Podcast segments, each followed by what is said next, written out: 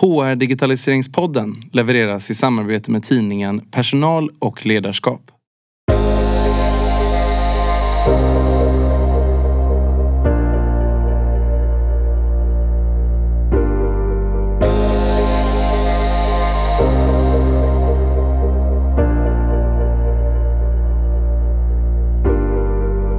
Idag är det dags för ännu ett avsnitt som handlar om erfarenheter hos olika företag och organisationer. Det vill säga någon som gått igenom processen att gå från idé till resultat kring en HR-plattform. Denna gång med ett bolag med 50 000 anställda och en väldigt decentraliserad organisation med egna bolag som har egen HR, VD och därmed egna beslutsprocesser. Maria Romberg-Evert leder HR globalt på Assa Abloy där företaget beslutade att något behövde göras när GDPR skulle bli verklighet. GDPR var bara ett sätt att komma igång och det behövdes ett större scope för att få till reell nytta i verksamheten och inte bara fixa GDPR-utmaningen. Resultatet blev ett projekt där man går från 400 olika lösningar till en gemensam HR-plattform. Vi pratar framför allt om hur projektet har drivits för att komma från behov via beslut till resultat med fokus på business case och organisation.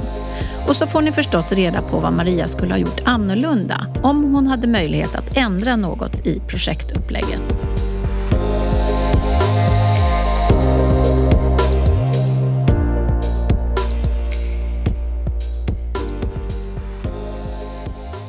Hej Maria, välkommen hit till HR Digitaliseringspodden. Hej, tack så mycket.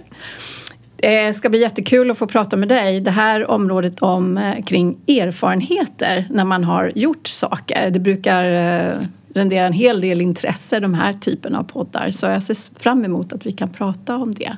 Men först är det ju viktigt att veta vem, vem du är förstås och att vi ska prata om Assa Abloy idag. Så är det. Um, ja, Maria Romberg Evert heter jag eh, och är HR-chef eh, eh, för Assa Abloy-koncernen.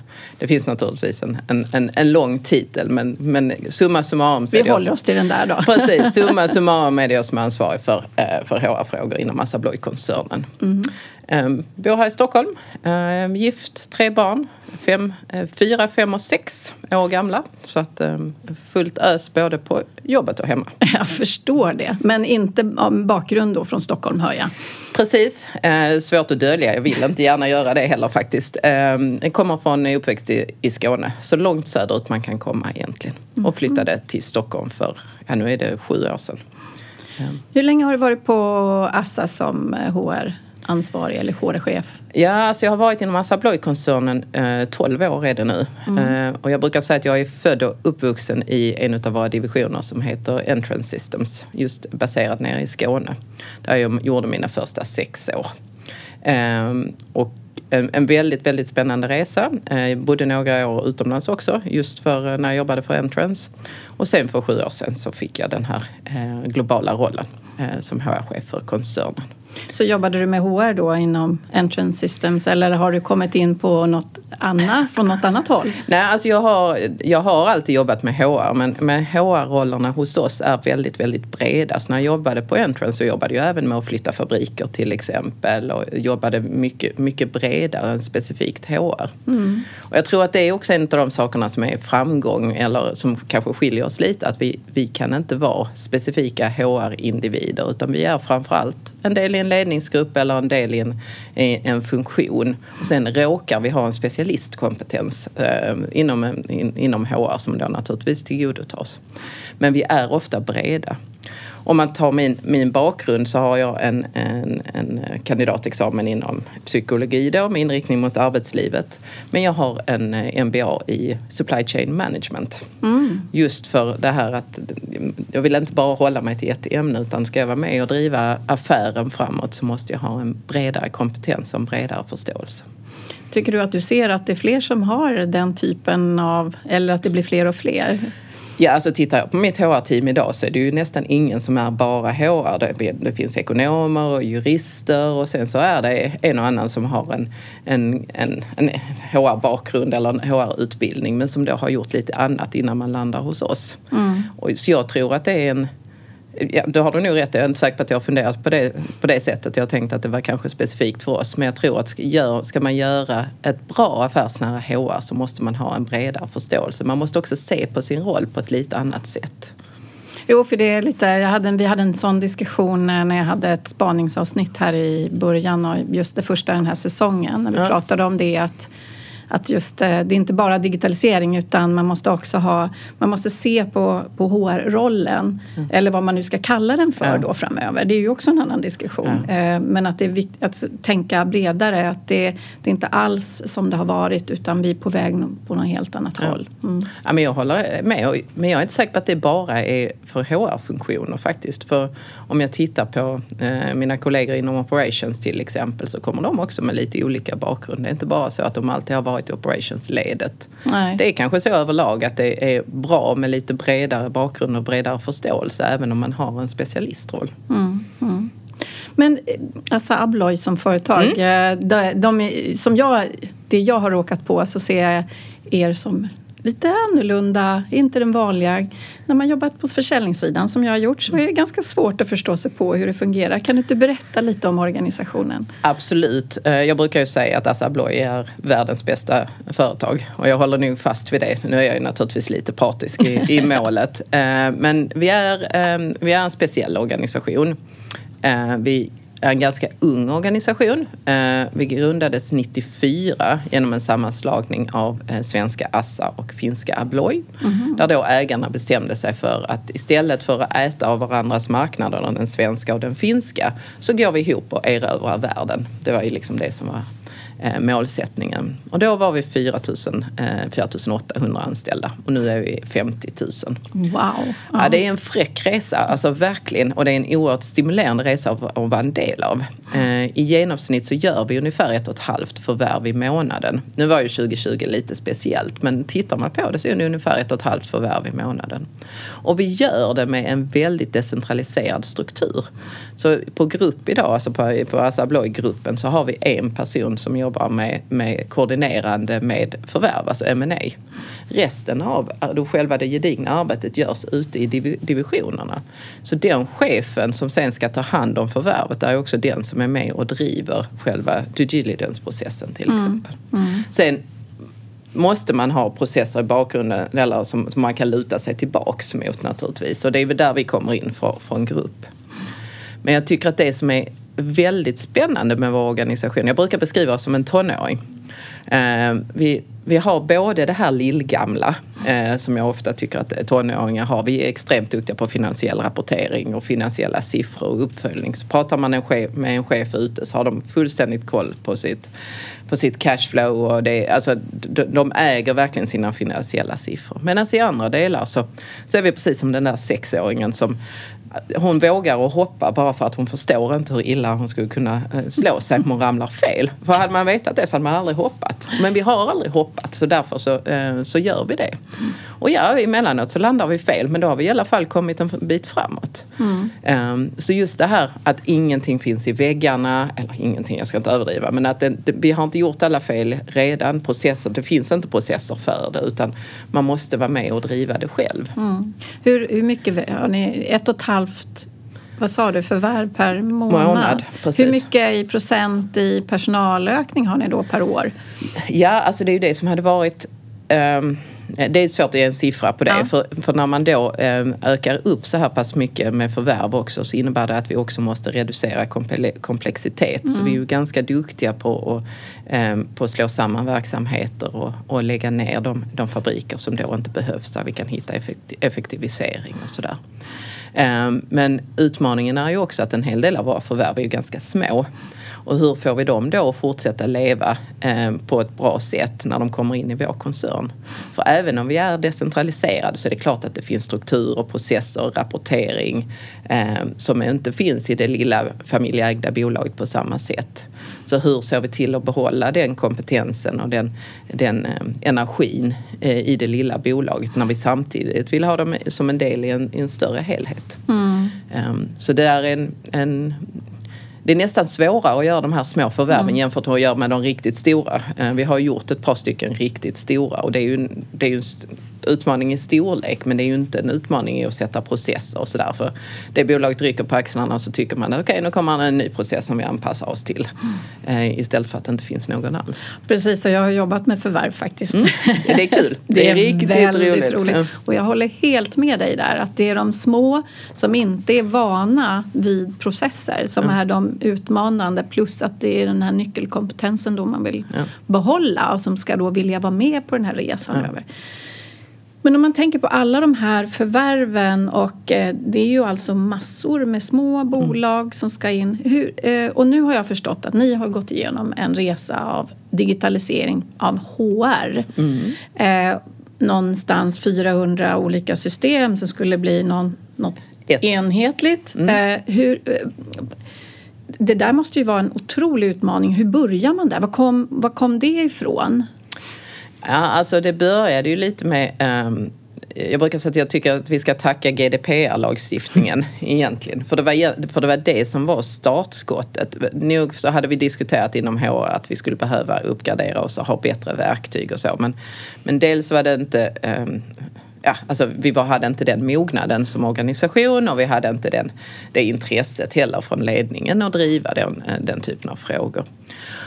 Och så kom GDPR eh, och, så började vi titta på, okej okay, men hur ska vi göra det här? Hur ska vi kunna efterleva lagstiftningen? Och inte bara GDPR utan vi tittade på det utifrån ett Assa perspektiv Så hela det som vi kallar hela vår data protection, det vill säga inkludera alla världsdelar. Hur ska vi kunna efterleva? Hur ska vi kunna organisera oss på ett, på ett sätt som, som gör att vi, vi, vi efterlever den här lagstiftningen? Uh, och då började vi titta på det och konstatera att vi behöver, för det första behöver vi två saker. Vi behöver ett system och en organisationsstruktur som ger, som ger oss möjlighet att behandla persondata, uh, medarbetares persondata på samma sätt i ett land. Och eftersom vi är så decentraliserade som vi är så, skulle, så kan det mycket väl i ett land finnas fem olika legala, fem olika divisioner mm. som har helt olika sätt att hantera medarbetare och som aldrig egentligen har någon kontakt med varandra. Och som då hanterar persondata på, på olika sätt. Och då började vi ett, ett gediget arbete och titta igenom, okej okay, men hur ska vi göra? Ska vi börja med, ska vi liksom bara hantera det med någon accessdatabas eller ska vi faktiskt göra, göra någonting mer? Och då bestämde vi oss för att gå all in eh, och implementera ett HRIS-system då. Tillsammans med att faktiskt sätta en struktur som vi har kallat för landskoordination. Eh, Vilket innebär att eh, det finns en HR-chef per land som har det som är det koordinerande ansvaret för HR-frågorna i det landet. Det vill säga över de andra divisionerna också. Så det hade ni inte tidigare? Inte alls. Inte alls. Eh, och det här var ju Alltså man kan prata om en kulturell skillnad i, när det gäller själva HR-systemet och den implementeringen. Men jag tror egentligen den största utmaningen var den här, okej, okay, men nu har jag en roll som sträcker mig över de andra divisionerna. Mm. Eh, och vem är jag då egentligen att komma och, inte säga till dem vad man ska göra, men, men se till så att vi koordinerar, hanterar det på samma sätt. Mm. Eh, och då också eh, få gemensamma eh, processer och strukturer. Mm. Det har vi däremot haft en enormt stor nytta av förra året när hela covid-insatserna mm. kom. För då hade vi redan ett, ett, en fungerande organisationsstruktur på plats. Jag vet faktiskt inte riktigt hur vi hade löst det annars. Då hade varje lilla legala enhet fått, fått försöka hantera det på bästa sätt. Mm. Nu fanns det ett nätverk. Men ligger ni kvar med den? Hur, när började den? Du sa GDPR och det har vi 2018. Ja, precis. Alltså det och sen började, var det innan det då? Ja, mm. alltså det, bör, det här började egentligen 2018 skulle jag vilja säga, eller kanske året innan. Där vi började fundera på, okej, okay, men hur skulle vi kunna organisera oss på ett lite annat sätt? Hur kunde vi hitta ett systemstöd? Um, och sen så bestämde vi oss då för att tittade på fördelarna, tittade på kostnaderna och gjorde ett ordentligt business case. Uh, och eftersom vi också har, en, eh, har haft en väldigt många lokala system um, så var det ju inte en, Alltså, jag ska inte säga att det var en besparing, för det var det naturligtvis inte. Men det fanns ju en, en, en, en bra effektivisering också genom mm. att plocka bort de eh, lokala systemen. Mm. Så det var det ni tittade på i business case Ja, bland annat. Ja. Men också hur man då skulle kunna addera värde från, från HR på ett helt annat sätt. Hur mm. vi skulle kunna leverera eh, information om, om, eh, om våra medarbetare. Hur vi skulle kunna eh, hjälpa till med rekrytering och eh, likadant bygga talangpooler och liknande på ett sätt som vi aldrig har kunnat för att vi inte har haft det systemstödet. Så det var egentligen startskottet, alltså GDP var startskottet på, på att vi skulle kunna göra väldigt mycket mer som HR-organisation. Mm, mm.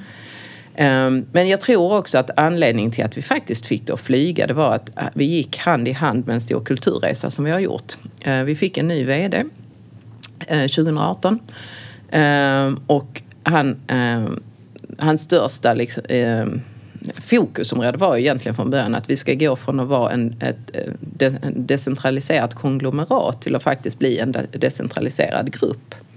Och med det kommer då ett, ett ramverk där det handlar om värderingar, det handlar om kultur, det handlar om beteende men det handlar också om, om en del eh, gemensamma processer som vi inte har haft tidigare och det handlar om att man ska kunna flytta, alltså talangpooler till exempel intern mobilitet och sådär. Mm, mm. Um, så det gick hand i hand eh, och därför så passade det väldigt bra. Okej, okay, men ska vi kunna göra de här sakerna? Ska vi kunna effektivisera? Ska vi kunna jobba tillsammans i ett land eh, med de saker som inte är en alltså kundmötande så att säga. Då behöver vi ett annat system och struktur, en annan organisation. Mm.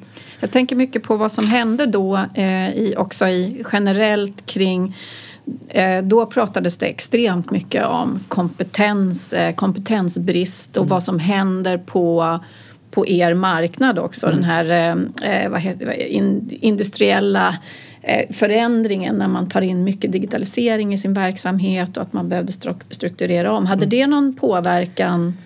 Inte vad jag kan komma ihåg. Alltså jag tycker att vi en, äh, har varit relativt Alltså vi har varit relativt långt fram när det gäller de produkt, alltså utvecklingen, den digitala produktutvecklingen. Där har vi också varit eh, relativt långt fram. Men det som naturligtvis drev en del systemfrågor, kanske inte så mycket inom HR men en del andra, det var ju att våra marknader har alltid varit väldigt, väldigt lokala. Eh, ett lås har, ser inte ut på samma sätt och har inte samma standard i, i Frankrike som i Tyskland.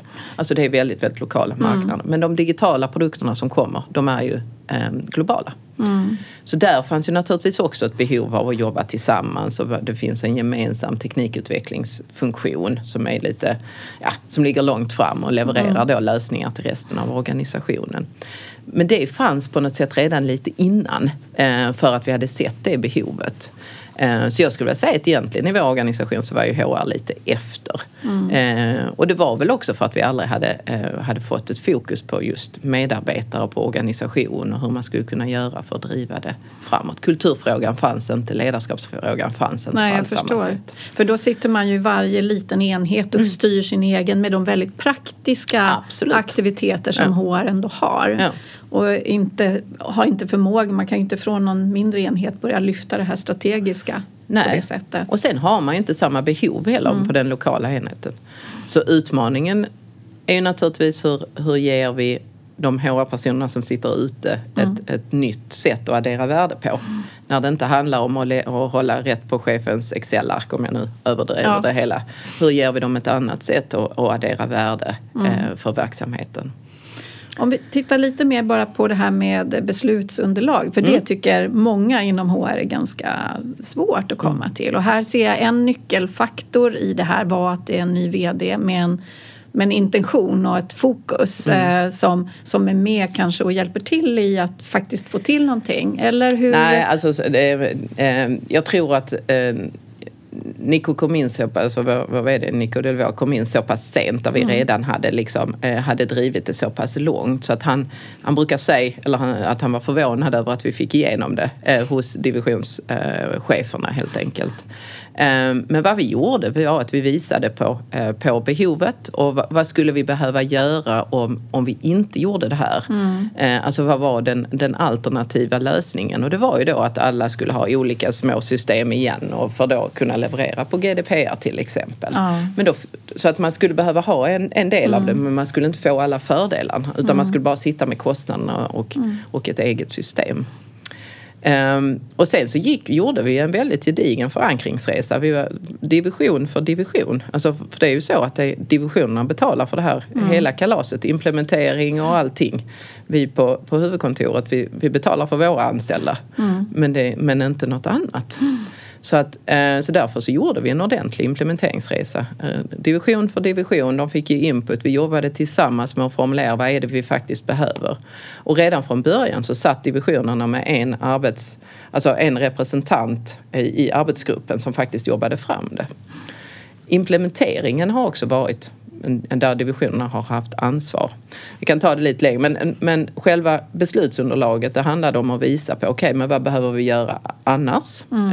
Eh, och vad skulle det kosta och vad är det då för fördelar du inte får? Mm. Och sen så en, en gedigen diskussion. Försöka förstå, okej, okay, men vad är det du har, som divisionschef har som farhågor? Och hur kan vi då hjälpa dig att besvara dem?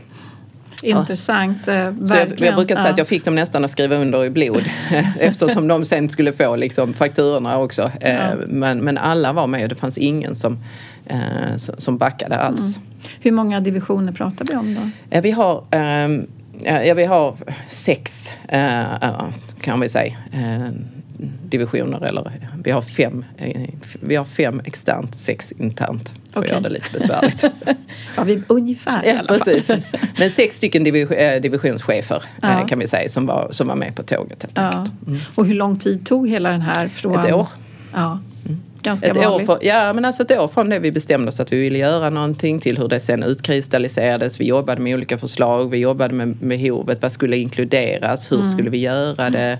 Tills vi sen kom till ett slutligt förslag helt enkelt som vi sen signade av. Och alla de här HR-människorna som var ute i organisationen, hur var de involverade? Var, var, för du pratar ju om deras farhågor ja. förstås. Ja. Nej, det kan jag inte säga att de var. Inte i, det, inte i den fasen. Däremot så gjordes det en hel del nedslag eh, för att förstå hur ser, hur ser faktiskt verkligheten ut. Mm. Men det var inte ett skolboksexempel på bottom-up på något Nej. sätt eller involvering. Det var det inte. Eh, utan vi tittade på hur det såg ut och hur vi skulle vilja, vilja göra helt enkelt. Mm. Det är inte alltid möjligt. Det är ju sådana val man måste göra. Vad, vad, vad funkar här? Vad behövs för att eh, få till ett beslut här och komma vidare? Ja. Sen var det ju så också att det är svårt och jag vet att det, det låter kanske som en undanflykt men det är svårt att göra en ordentligt eh, bottom-up approach när man inte vet om, om projektet blir godkänt eller inte. Mm. Utan jag tycker att framförallt den här typen av, av projekt eller program. Så det, ju, eh, det krävs ju en viss, en viss säkerhet tycker jag eh, innan man börjar involvera eh, väldigt många människor. Ja, för då börjar man skapa engagemang och förväntan. Ja, eller farhågor. Ja, precis. Alltså, både och. Man öppnar lådan. Ja, precis. Så att jag, jag tycker att där, vi valde att inte göra det mm. på det sättet. Mm. Praktiskt möjligt var det inte heller. Så att, Nej. Och vad, vad, hur började ni sen själva arbetet? När ni hade ett beslut, ja men vi ska göra det här. Och vad hände sen? Ja, alltså då fortsatte den här arbetsgruppen då och sen så hade vi då identifierat hur vi skulle implementera eh, själva programmet. Eh, och då gjorde vi också på ett annorlunda sätt, det vill säga att en, varje division fick ansvar för implementering i ett visst antal länder. Så man var alltså en entrance system som jag pratade om tidigare. Man var då ansvarig för implementeringen och go live i ett visst antal länder. Eh, och då var man ansvarig för alla divisionerna Aha, i det landet. Spännande. Mm. Vilket då innebär att man har aldrig kunnat skylla eh, eller ge cred till en, en, en global grupp någonstans. Mm. Utan man har alltid varit ansvarig själv som division. Eh, och framgången har då legat i att man har varit involverad från divisionens sida. Mm. Um, så det tror jag om man pratar om framgångsfaktorer. Nu är vi inte riktigt färdiga med programmet. Det ska vi, så det, eh, juryn, Nej, juryn så är väl år har inte gått än. Precis, juryn är väl fortfarande ute liksom. Men, um, men jag tror just det här uh, divisionernas ansvar i att både definiera processer och template i själva arbetsgruppen samt att också då äga själva implementeringen i mm. länderna. Mm. Ehm, det tror jag har varit en, en från ett eh, organisationsperspektiv eller, eh, den absolut största framgångsfaktorn. Mm. Men har ni jobbat med de olika divisionerna parallellt då? Eller? Ja, alltså absolut. Ja. Eh, det så det blir lite, men det, det var ingen big bang utan man har Nej, haft land lite... för land. land för land. Ja, precis. Mm. Och sen så då vissa länder gick då samtidigt. Men då var det ju upp till den divisionen då att definiera, okej okay, när är vi redo i det här landet att gå live? Då var mm. man ju tvungen att koordinera med alla andra divisioner i det landet. Okej, okay, när kan vi gå live och behöver, vad behöver vi göra innan? Mm. Sen valde vi att fasa moduler också så att alla gick ju live med det som då var eh, core, alltså mm. det, liksom själva masterdata. masterdatan. Och sen mm. så satte vi då modul för modul. Mm. Um, och vi började, vi, vi sparkade av med ett par pilotländer. Mm. Hongkong, Australien, Nya Zeeland eh, till exempel som pilotländer. Där vi ju lärde oss jättemycket mm. innan vi sen officiellt gick, eh, gick live i eh, september för ett och ett halvt år sedan. Mm. Så vad var de största utmaningarna då när ni började jobba i länderna? Vad upplevde de var det svåraste att få till då? Alltså svårast att få till, eh, alltså det var, det var egentligen att sätta sig runt samma bord och få till, okej okay, det här ska vi göra, nu ska vi jobba tillsammans och hur ska det gå? Men sen också motståndet från eh, HR-organisationerna lokalt. Man insåg att helt plötsligt skulle jag behöva ändra mina processer och hur jag mm. har jobbat. Eh, men sen också tycker jag storleken och skalan på projektet. Alltså det är ju det som gör komplexiteten. Mm. Så jag tycker inte att vi har haft några, några systemfel, Nej. så att säga. Um, sen var det ju lite lite kämpigt i fjol. Eh, både och. Alltså det var ju kämpigt samtidigt som, eh, som, som det också gav en skjuts till mm. det. Men, eh, men jag tycker att eh, Eh, Ehm, alltså det, det, var egentligen att, att, att, få till det land för land. Alltså det var den största utmaningen. Mm. Eh, få dem att enas om en implementeringsplan. Eh, enas om hur har vi gjort innan. Och sen har vi, sa vi också väldigt Eh, tydligt att vi kommer bara göra ändringar i processen som krävs eh, utifrån ett arbetsrättsligt perspektiv.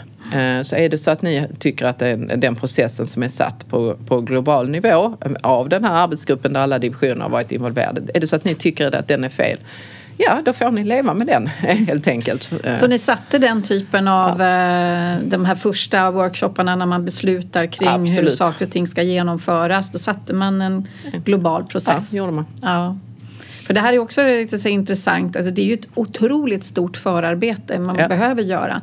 Gjorde ni det under det året eller gjorde ni det under Nej, det gjorde vi start? sen. Eh, ja. Under, alltså en del gjordes under året för att förstå och liksom också ja. kunna visa och sådär. Men, men sen har det gjorts då eh, under, under projektets gång helt mm, enkelt. Mm, mm. Så nu håller vi på med den, vi är ju i slutfasen, vi håller på med, eh, ska köra in kompo-ben-modulen som alla säger ska vara den mest krävande. Vi får väl se.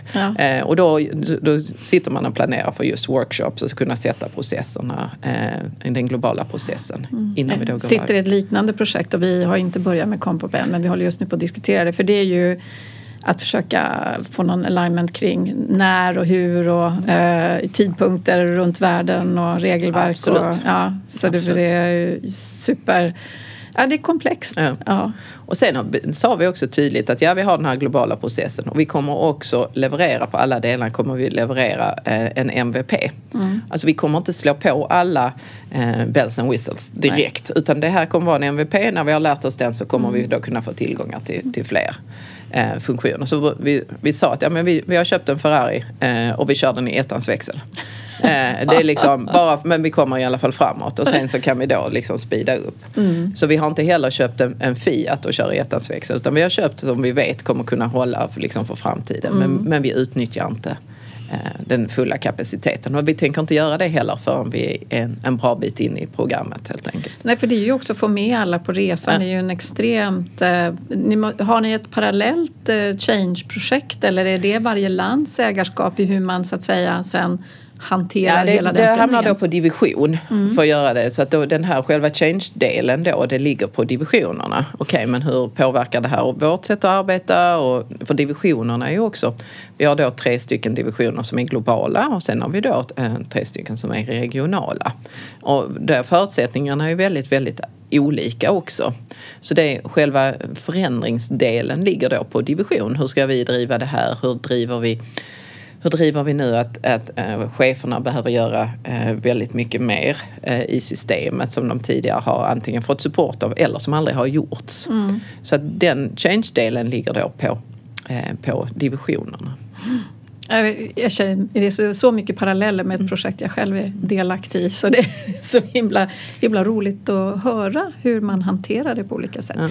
Men den här att ni tog med HR eh, lite senare i, eller när ni väl började med utrullningen. Mm. Hur, har, hur har reaktionerna varit och hur har ni hanterat allt det här med deras förändrade, det måste ju bli en väldigt förändrat arbetssätt för HR? Ja, alltså det är det ju. Eh, sen ska jag säga att många, många tyckte, för, för, första reaktionen var äntligen kan jag få ett systemstöd. Mm. Eh, alltså faktiskt, för det här manuella arbetet som man har gjort på, eh, på många ställen har ju varit eh, väldigt, väldigt tungt och inte speciellt stimulerande heller. Ehm, så att där var ju arbetet som då liksom har, har genomförts faktiskt per land då, men även från divisioner. Okay, men hur ska vi jobba? Vad är det som är, eh, vad är, det som är viktigt för oss som HR-organisation? Så parallellt så satte vi då också eh, i samband med det här kulturarbetet en, en, en HR-strategi för att det var första gången som, eh, som HR eller people-frågan kom upp ordentligt i affärsstrategin. Mm. Där la vi till en strategisk punkt som då mm. var eh, eh, en HR eller en people-relaterad.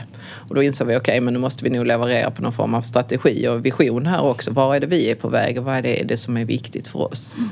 Så det förändringsarbetet har ju pågått också samtidigt för HR-organisationen. Mm. Men sen har vi också varit tydliga med att det är det här vi tänker göra, det är det här, den här som är den här vägen framåt och försökt få med oss så många som möjligt på resan. Men också insett att det här passar inte för alla. Mm. Eh, det är den här rollen som vi kommer att vilja ha och är det så att du, du inte vill vara med i den rollen då är inte vi den bästa arbetsgivaren för dig. Och sen så har vi jobbat utifrån, okej okay, men vad är det i så fall som, kan vi, kan vi hjälpas åt att förflytta oss gemensamt till, till, en punkt eller är det så att vi behöver skiljas åt? Mm. Um, och så den, den frågan har naturligtvis ställts på, på sin spets, precis som i alla andra förändringsprojekt skulle jag vilja säga. Mm, precis, vill man vara med eller inte i precis. den här resan? Kan jag få dig att vilja vara med? Mm. Om inte, ja, ja då, är... då, är det något annat. Mm. Precis. Då är vi inte rätt för dig. Så de här målsättningarna ni satte upp och business caset ni mm. tittade på. Eh, vad, vad har ni fokus på? Vad har ni fått fram? Vad har, ni, vad har blivit bra? Alltså det som har blivit bra är ju att, eh, alltså för det första så har vi hållit både tidplan och budget vilket ju är mm. liksom, eh, jag tycker är en, en stor styrka. Uh, min vd brukar säga att han har aldrig tidigare varit med om ett lyckat IT-projekt. Jag är inte säker på att man ska se det här som ett IT-projekt, men ändå, han sa det, det är, det är ingen som skriker upp till mig. Det vill säga att då är det, um, då är det tillräckligt bra. Mm. Men jag tror att det handlar också om att divisionerna själv har ansvar för att implementera, så vem ska de klaga på? alltså det är liksom inte, systemet är det ju inget fel på, så Nej. de har ingen, ingen att klaga hos. Och du fick ju dem att skriva på lite innan. Där. Precis, precis. Um, och sen så, så tror jag också att man ser ju för fördelarna. Man ser också resan, det just det här med att vara en grupp och ha gemensamma processer. Helt plötsligt kan man göra det på ett helt annat sätt. Mm.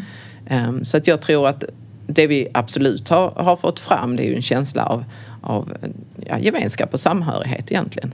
Bara en sån sak som, vi hade en jättediskussion om det. Vi har eh, bestämt att vi har bara ett, um, ett um, employer brand och det är Assa Abloy. Mm. Eh, internt är det bara ett, externt finns det två till eh, som är på vissa marknader är oerhört starka. Men när man landar i, i vårt HRIS-system, när man loggar in sig där, då landar alla på Assa Abloy-sidan. Mm. Det finns inget annat. Alltså de här, den här signalen som det sänder är också väldigt, väldigt stark. Och också öppnar upp för att man förstår att man är en del kanske av en större helhet. Då. Precis, precis, mm. precis. Eh, men hur har eh, arbetsrollen förändrats? Eller går det kanske inte går att säga så eh, för HR? Och sen så funderar jag också på hur har det förändrats för medarbetare och era chefer i organisationen? Jag tror inte riktigt vi vet det än. Nej. Men alltså det som har förändrats, det vi vet som har förändrats för medarbetare och chefer det är att det är mycket mer självservice. Det är mycket mer eh, möjligheter att kunna liksom lägga in och hantera information. Det är för chefer mycket mer eh, systemrelaterat när det gäller processer. Vi har ju precis som alla andra varit igenom eh, performance management nu med med avslut och målsättningar och sånt och helt plötsligt så sker det då i systemet. Mm. Eh, och eh, inte Excel-ark. Så att på det sättet så är det ju mycket mer, själv, mycket mer jobb eh, för, för chefer och, och medarbetare själv. På något, annars har man fått Excel-filer skickade till sig och sådär. Så den rollen har ju absolut eh, förändrats. Hur HR-rollen eh, förändras och var den hamnar någonstans, det, jag tror att det är lite tidigt att säga. Mm. Um, men jag förväntar mig att det är mindre administration helt enkelt. Det är mm. mer gemensamma, det är lite mer shared service. Mm. Eh, det ser vi ju redan. Vi har då börjat bygga en del eh, rekryteringscentra till exempel internt som då man kan använda sig av som, som affär. Inget tvingande men, men möjlighet och det hade vi aldrig kunnat göra utan ett gemensamma, utan en gemensam process eller gemensamt system. Mm.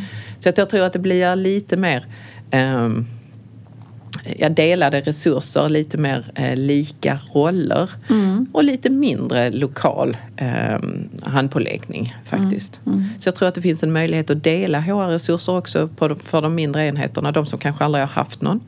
Det finns kanske möjlighet att dela en, en resurs med en annan legal enhet.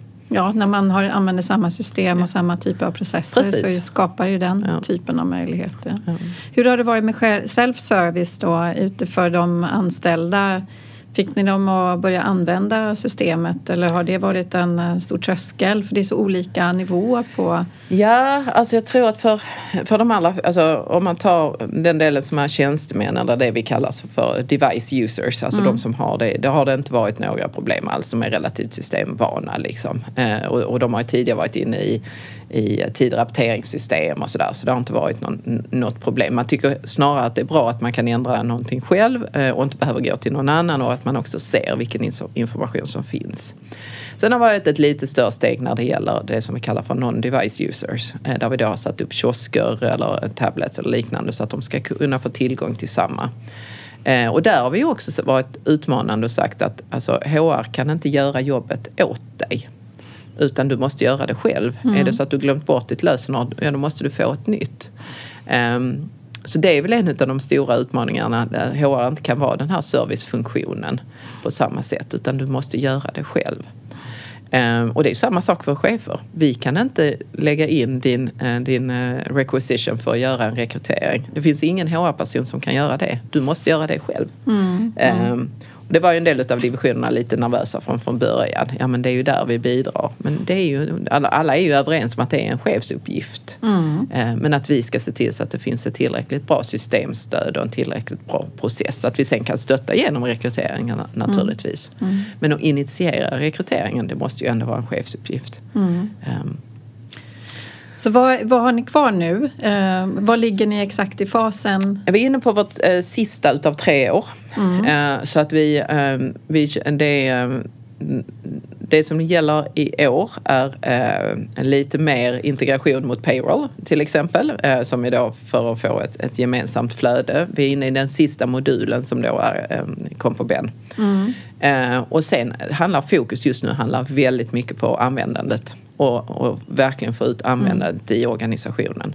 Nu har vi ett system på plats, vi vet att det funkar, vi vet att processerna sitter. Hur får vi det för att gå från ett HR-system till ett affärssystem? Så det är det som är fullt fokus i, i år. Hur utbildar vi chefer? Hur utbildar vi medarbetare? Hur adderar vi värde genom systemet?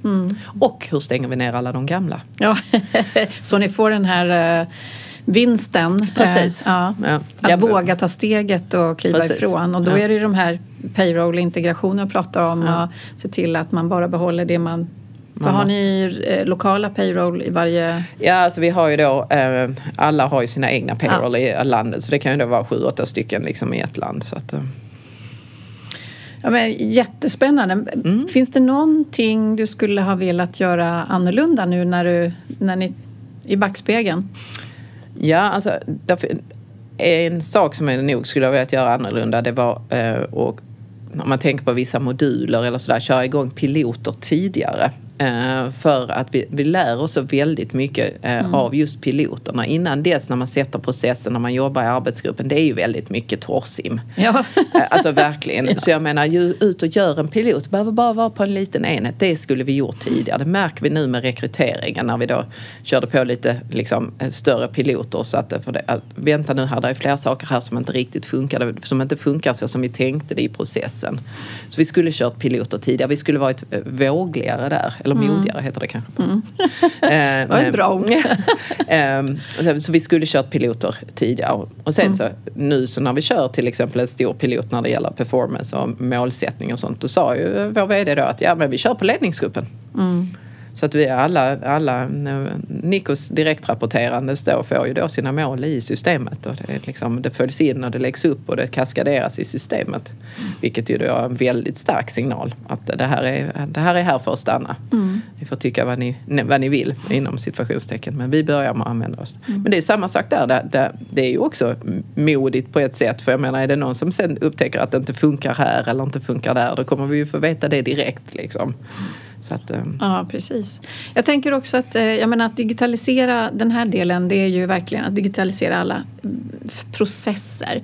Sen kan man ju göra, digitalisera, skapa alltså, innovativa lösningar. Har ni funderat på, liksom, finns det något nästa steg eller har ni några idéer kring vad ni behöver bli bättre utöver det här? Eller är projektet så tungt som man är bara här och väntar och landar i det som ska bli av det här? Nej, alltså både ja och nej. Alltså projektet är ganska tungt. Alltså det, det är mycket mm. som ska... Men, men där man ser man ju då effekter till andra delar. Eh, när vi då, om vi är inne på det här med payroll till exempel. Så samtidigt nu här det, i det här året så drog vi också igång det som vi kallar för payroll consolidation. Det vill säga att vi tittar på de topp 15 länderna som vi har. Vad är den bästa lösningen när det gäller payroll? Är det en gemensam payroll eller är det som vi har nu, kanske bara ett gemensamt avtal? Eller vad det nu är.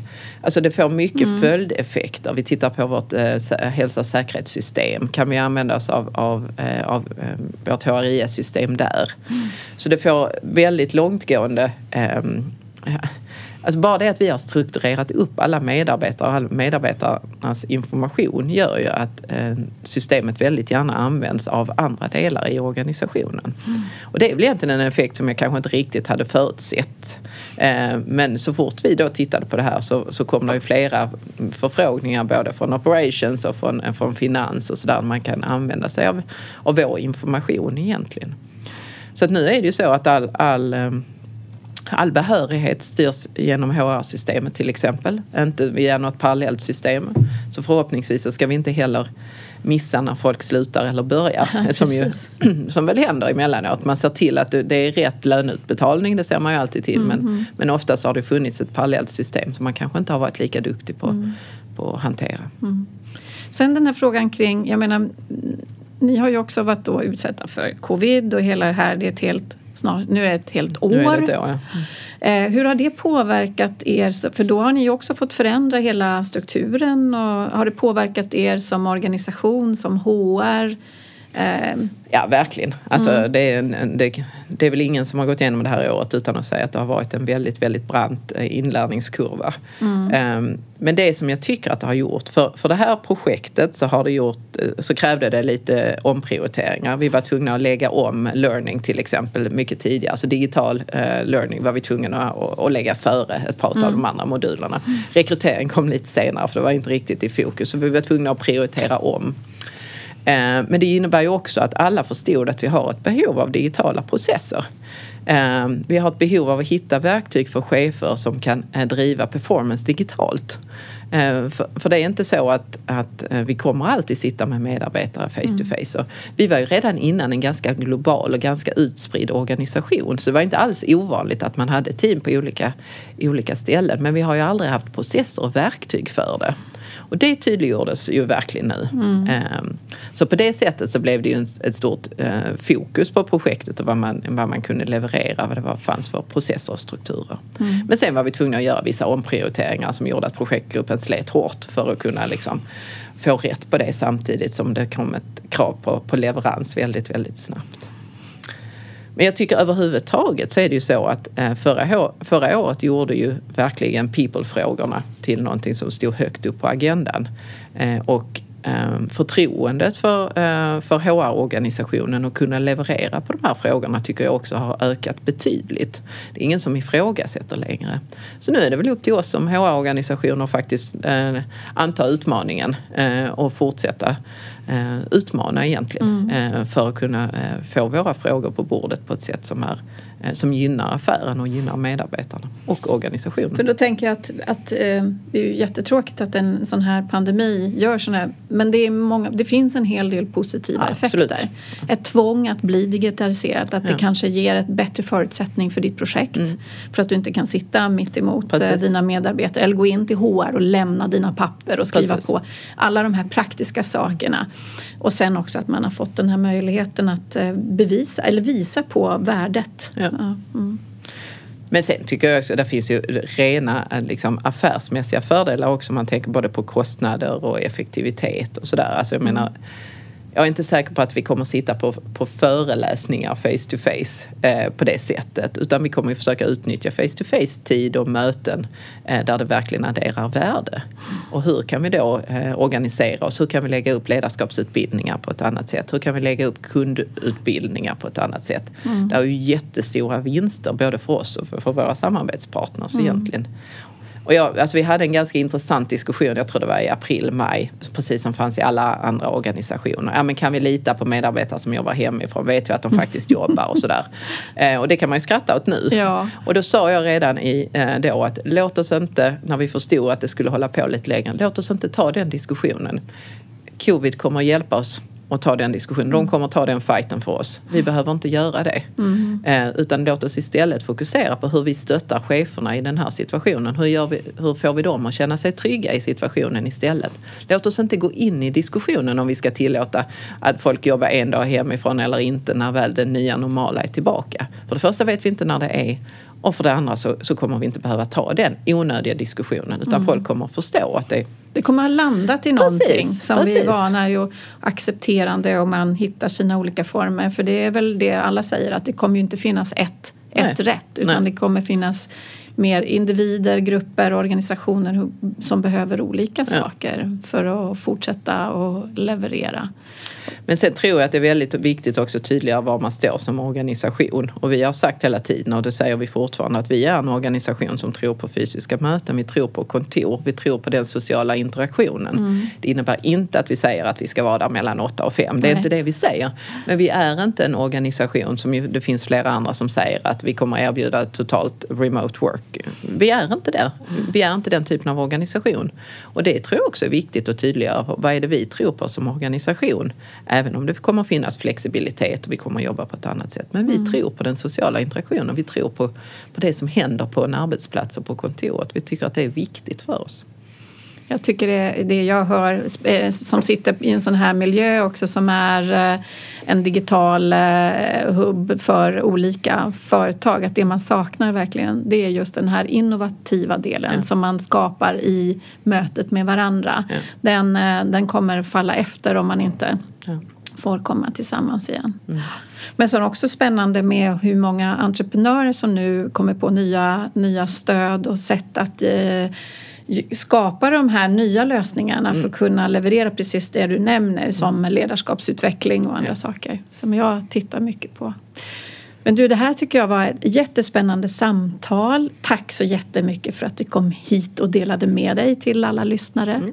Tack så mycket. Det här är ett väldigt, det är ett väldigt spännande område. Det är ett väldigt spännande program. Så vi får väl se vad som, när, vi, när vi är igenom den sista fasen här om ett år. Eh, om vi fortfarande kategoriserar projektet som lyckosamt, för det gör vi hittills.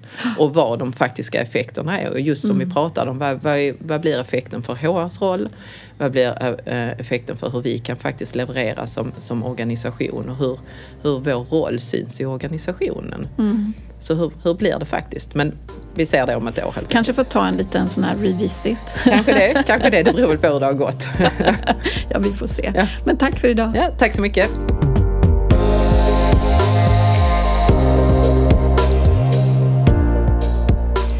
Vad kul att du lyssnade på det här avsnittet av HR Digitaliseringspodden.